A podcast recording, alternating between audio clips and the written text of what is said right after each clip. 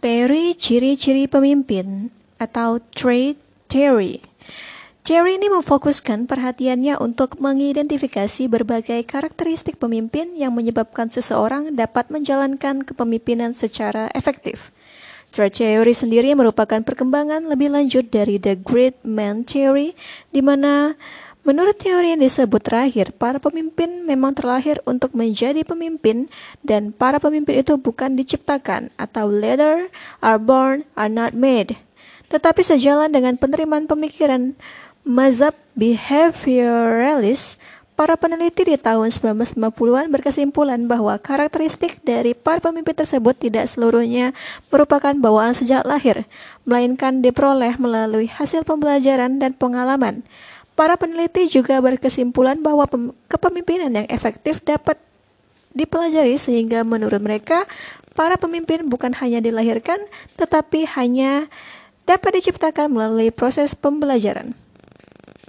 Para peneliti trade theory memfokuskan penelitian mereka untuk mengidentifikasi berbagai karakteristik yang dimiliki seorang pemimpin. Setelah dilakukan riset selama puluhan tahun, para peneliti berkesimpulan bahwa beberapa karakteristik individu seperti kecerdasan, percaya diri, pengetahuan, dan keahlian memiliki hubungan dengan pelaksanaan kepemimpinan secara efektif. Salah satu keberatan utama terhadap trade theory adalah bahwa teori ini tidak bisa menjelaskan mengapa terdapat orang-orang yang memiliki, memiliki karakteristik pemimpin yang efektif, tetapi mereka tidak bisa menjadi pemimpin yang efektif.